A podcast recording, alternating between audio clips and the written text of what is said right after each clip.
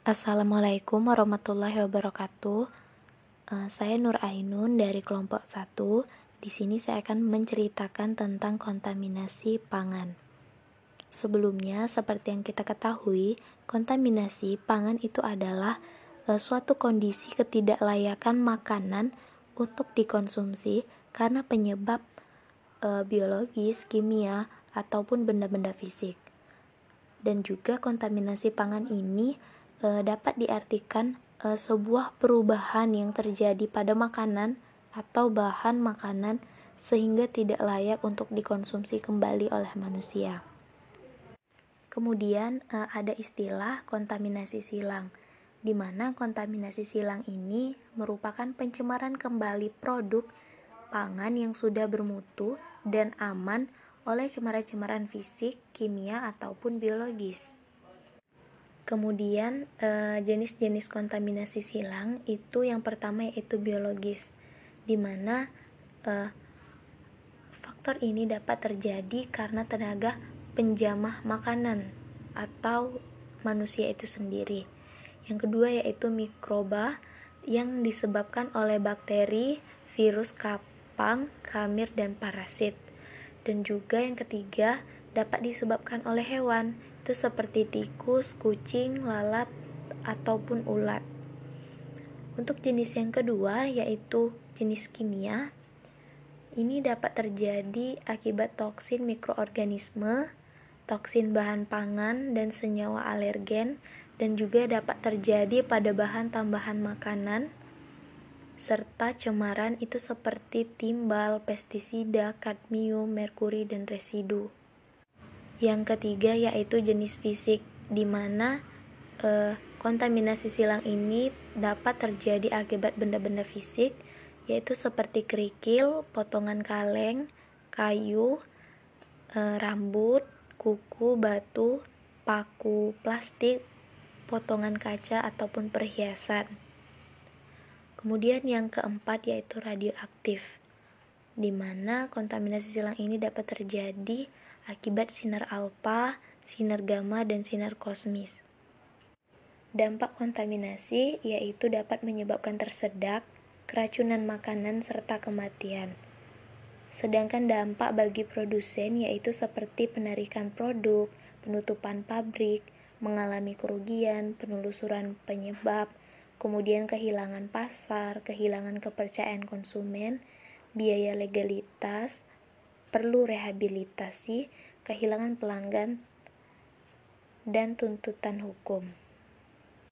Keracunan makanan itu sendiri dapat menyebabkan dua akibat, yang pertama yaitu infeksi dan yang kedua intoksikasi. E, infeksi itu sendiri merupakan suatu penyakit yang diakibatkan setelah mengkonsumsi makanan atau minuman yang mengandung bakteri patogen. Setelah mengkonsumsi makanan yang mengandung bakteri patogen itu, maka akan timbul gejala-gejala penyakit tersebut. Kemudian intoksikasi. Intoksikasi itu sendiri yaitu keracunan yang disebabkan karena mengkonsumsi pangan yang mengandung senyawa beracun.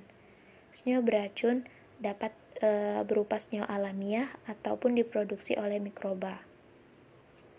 Selanjutnya, di sini saya akan menjelaskan tentang e, jenis mikroba, e, contoh bahan pangannya, serta sumber kontaminasinya siapa dan juga gejala yang ditimbulkan itu apa. Nah, yang pertama yaitu ada salmonella. Salmonella ini contoh bahan pangannya yaitu dapat ditemukan di daging dan produk olahannya. Nah, sumber kontaminannya yaitu pada manusia dan hewan ternak. Uh, adapun gejala yang ditimbulkan yaitu seperti sakit perut, diare, demam, muntah setelah 13 sampai 36 jam dan juga sakit kepala. Uh, yang kedua yaitu Clostridium botulinum E, contoh bahan pangannya yaitu terdapat pada pangan kaleng e, seperti daging, ikan, jagung manis, bit asparagus, bayam, dan ikan asap. Nah, sumber kontaminannya itu terjadi pada proses pengalengan yang tidak tepat. Kemudian gejala yang ditimbulkan yaitu menyebabkan gangguan pencernaan akut, mual, muntah, diare, kemudian sulit menelan dalam waktu 12 jam sistem saraf terganggu dengan gejala sulit nafas, sulit berbicara dan menelan dan juga dapat menyebabkan kematian dalam waktu 3 sampai 6 hari. Kemudian contoh yang ketiga yaitu vibrio kolera. Vibrio kolera ini bahan e, contoh bahan pangannya yaitu terdapat pada air, ikan dan pangan hasil laut. Sumber kontaminannya yaitu pada air dan gejala yang ditimbulkan yaitu menyebabkan wabah kolera, gejala diare dan muntah. Selanjutnya yaitu mengapa sih e, kontaminasi itu dapat terjadi? Nah, jadi kontaminasi itu dapat terjadi oleh tiga faktor.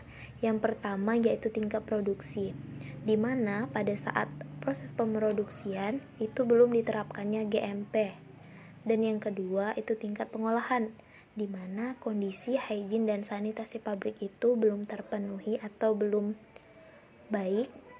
E, kemudian penggunaan bahan tambahan pangan yang tidak tepat dan juga bahan baku mutunya itu masih rendah. Dan yang ketiga yaitu tingkat distribusi dan penyajian.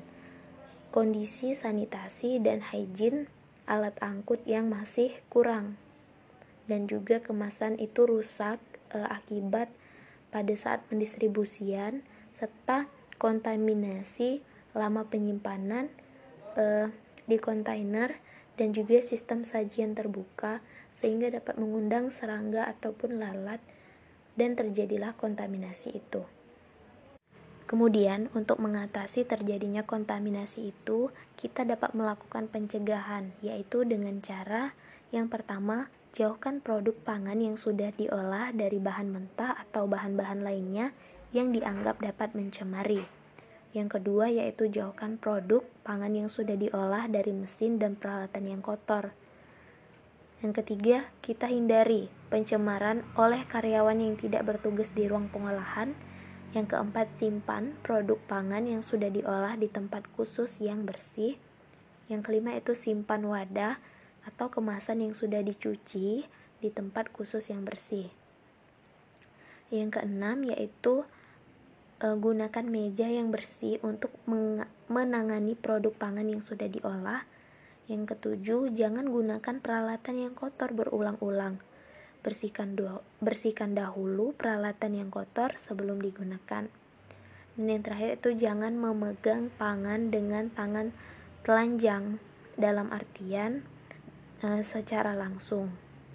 Uh, kita harus menggunakan penjepit atau sendok agar lebih steril dan juga jika harus dipegang gunakan kantong plastik bersih sebagai sarung tangan. Uh, demikian penjelasan mengenai kontaminasi pangan. Uh, sekian dari saya. Wassalamualaikum warahmatullahi wabarakatuh.